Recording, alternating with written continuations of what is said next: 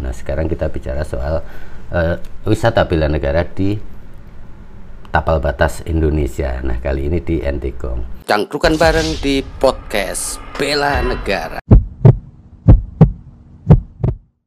Assalamualaikum warahmatullahi wabarakatuh. Salam sehat untuk Anda semua. Salam sehat untuk Indonesia. Salam bela negara. Yuk bela Indonesiaku karena Indonesia rumah kita bersama.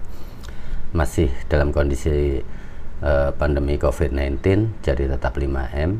Jangan lupa memakai masker, mencuci tangan, menjaga jarak, kemudian menghindari kerumunan dan uh, mengurangi mobilitas. Indonesia memiliki perbatasan yang cukup banyak, perbatasan darat internasional dengan tiga negara tetangga yaitu Malaysia, Papua New Guinea dan Timor Leste. Nah, sedangkan di laut perairan Indonesia berbatasan dengan 10 negara tetangga yakni India, Singapura, Malaysia, Thailand, Vietnam, Filipina, uh, Palau, kemudian Australia, Timor Leste, dan Papua New Guinea juga. Kawasan perbatasan merupakan kawasan strategis nasional yang mempunyai peranan dan fungsi sangat penting bagi sebuah negara. Nah, dalam pengelolaannya, kawasan perbatasan negara tersebut yang meliputi perbatasan darat, laut, dan pulau-pulau kecil uh, terluar dan terdepan telah diatur dalam Undang-Undang Nomor 43 Tahun 2008 tentang wilayah negara menyebutkan bahwa negara kesatuan Republik Indonesia terdiri dari wilayah uh, darat, wilayah perairan, uh, dasar laut dan tanah di bawahnya serta ruang udara di atasnya termasuk seluruh sumber kekayaan yang ada atau yang terkandung di dalamnya. Kebijakan yang dilakukan dalam pengembangan kawasan perbatasan adalah mempercepat pembangunan kawasan perbatasan di e, berbagai bidang, terutama peningkatan bidang ekonomi, sosial, dan keamanan, serta e, menempatkan kawasan perbatasan sebagai pintu gerbang aktivitas ekonomi dan perdagangan dengan negara tetangga secara terintegrasi dan berwawasan lingkungan.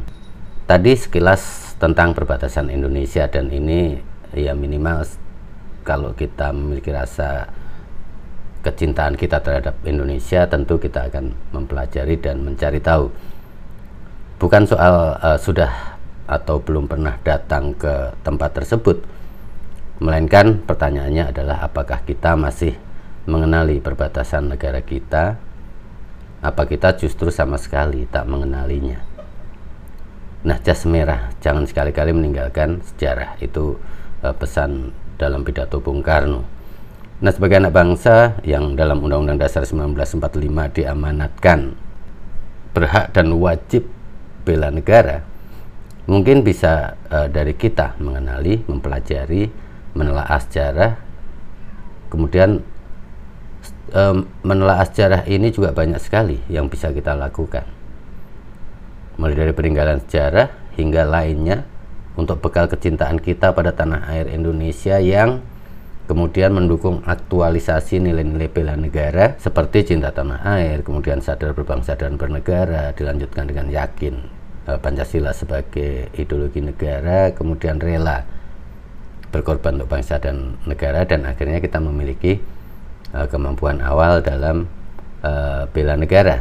Nah kali ini untuk aktualisasi dari nilai-nilai bela, uh, bela negara kita, yuk kita berkelana ke tapal batas Indonesia Malaysia yakni di Entikong. Kalau kemarin kita bicara soal nagari seribu rumah gadang, nah sekarang kita bicara soal uh, wisata bela negara di tapal batas Indonesia. Nah kali ini di Entikong.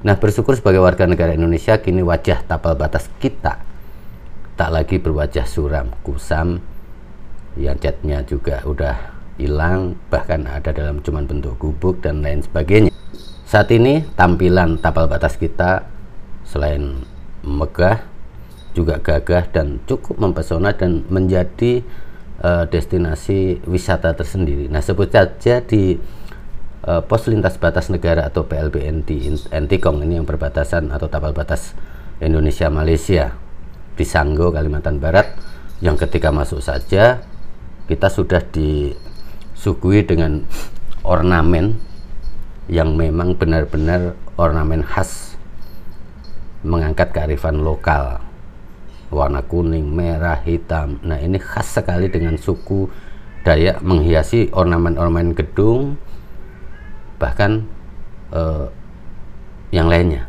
Nah bikin bangganya tampilan perbatasan kita di Entikong ini berbanding terbalik dengan perbatasan di sebelah kita yakni uh, pos perbatasan di Malaysia yang ada di seberang uh, perbatasan Entikong uh, perbatasan kita. Nah, Entikong adalah sebuah kecamatan di Kabupaten Sanggau, Kalimantan Barat, Indonesia. Entikong memiliki jalur perbatasan darat dengan negara Malaysia khususnya Sarawak sehingga jalur darat sering disebut jalur sutra karena bisa dilewati langsung oleh bus baik dari Indonesia maupun dari Malaysia tanpa harus menyeberangi sungai maupun laut.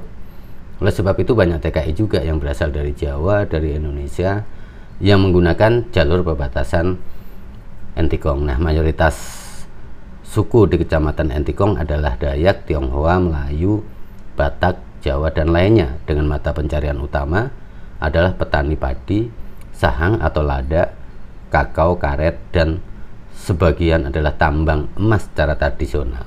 Entikong merupakan desa terakhir Indonesia yang berbatasan langsung dengan uh, Tebedu, Sarawak, Malaysia. Desa ini masih asri dan kehidupannya begitu tradisional, udaranya sejuk dan masih sangat jauh dari uh, kata polusi. Letaknya yang berada di kawasan uh, lembah ini membuat Antikong memiliki cuaca yang sangat sejuk. Di Antikong terdapat uh, sebuah tugu, yakni Tugu Pancasila yang menjadi ikon atau tanda kegagahan Republik Indonesia. Meski demikian, tak dapat dipungkiri bahwa perbedaan antara Entikong dan Tebedu sangatlah jauh dilihat dari fasilitas publik seperti apa papan petunjuk dan jalan pun sangat berbeda.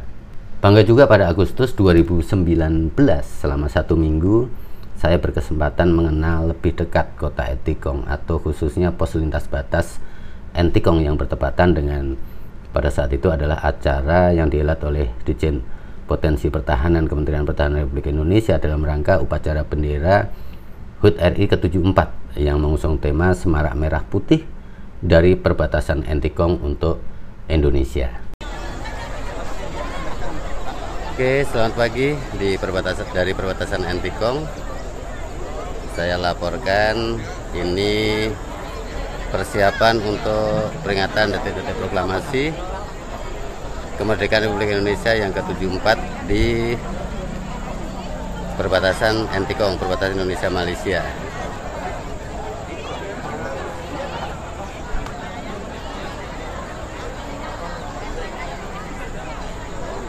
Selain Tugu Garuda Pancasila, pos lintas batas negara yang dibawahi Badan Nasional Pengelolaan Perbatasan atau BNPB pun mulai uh, mem, juga membangun berbagai fasilitas lainnya yang ditempatkan dalam zona pendukung.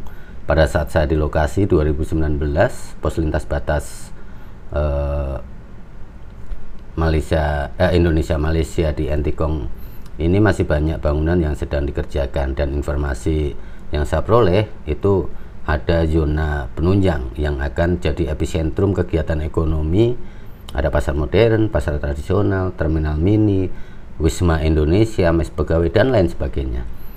Nah, informasi terkini eh, fasilitas-fasilitas tersebut sudah selesai dan tinggal menunggu dioperasikan. Dalam zona pendukung tersebut, Wisma Indonesia tampak paling mencolok dengan balkon, ka, uh, balkon kaca khas hotel modern di ibu kota. Seperti dilansir traveldetik.com saat melangkah masuk Wisma Indonesia di PLBN Entikong, sudah ada meja lobi uh, berikut dengan sofa minimalis untuk ruang tunggu tamu. Di belakang lobi disediakan ruang makan dengan kursi premium berlapis kulit khas kafe-kafe berkelas di ibu kota. Nah, selain itu juga ada ruangan paling mewah yang diberi nama Presiden Suites yang di dalamnya tersedia beberapa uh, ruangan yang cukup lapang, mulai dari ruang tengah dengan sofa empuk dan TV latar uh, layar datar yang cukup besar. Ada pula ruang meeting dan kamar tidur dengan bed ukuran king size serta kamar mandi yang dilengkapi dengan bathtub. Semua furniture terlihat menampilkan kesan minimalis dengan ornamen yang uh, dipilih dengan sangat memperhitungkan kearifan lokal. Kalau kita lihat pemandangan dari balkon pun menawarkan keindahan yang cukup memukau. Jajaran hijau gunung yang dimiliki bersama Malaysia dan Indonesia sehingga tentu saja semua sesan, uh, sensasi di kamar ini tak membuat tamunya merasa sedang ada di perbatasan. Nah, bukan cuma Wisma Indonesia, ini yang juara ada juga pasar-pasar tradisional dengan desain yang ciamik dan modern atau modern dan uh, futuristik dan benar-benar jauh dari ketinggalan. Nah, seperti dilansir juga oleh Detik, Kepala PLBN Ntkong Victorius menjelaskan bahwa pasar ini total ada 163 pedagang yang menempati 90% adalah warga Ntkong dan Sekayam, dua kecamatan yang berbatasan langsung dengan Malaysia. Nah masih banyak sekali yang bisa ku, uh, kita kupas uh, terkait dengan PLBN Indonesia Malaysia di Ntkong dan juga destinasi-destinasi wisata, baik wisata alam, kemudian kuliner dan lain-lain. Nah yang menarik adalah sepanjang perjalanan menuju ke Ntkong dari bandara itu kita akan menemukan banyak sekali orang-orang yang jualan durian yang begitu murah dengan uh, kualitas yang sangat ciami dan sangat yummy. Nah, penasaran kan? Ayo kita kenali, cintai, dan promosikan destinasi wisata perbatasan kita karena nggak cuma di Ntkong, masih ada yang lainnya. Dan besok kita coba akan melihat uh, perbatasan di Papua dengan Papua New Guinea yang dulu saya pernah ke sana dalam kondisi masih kurang bagus dan sekarang menjadi satu ikon tersendiri dan megah di uh, Papua. Dan inilah aktualisasi bela negara kita dengan kita menyebarkan atau kita membanjiri sosial media kita, konten-konten kita dengan uh, ragam uh, destinasi wisata baik di perbatasan, di kota-kota, di pegunungan, di pedesaan.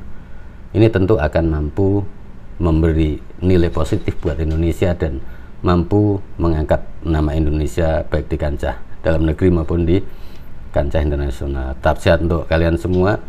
Tetap sehat untuk Indonesia. Salam bela negara, ayo bela Indonesiaku karena Indonesia rumah kita bersama. Assalamualaikum warahmatullahi wabarakatuh. Cangkrukan bareng di podcast Bela Negara.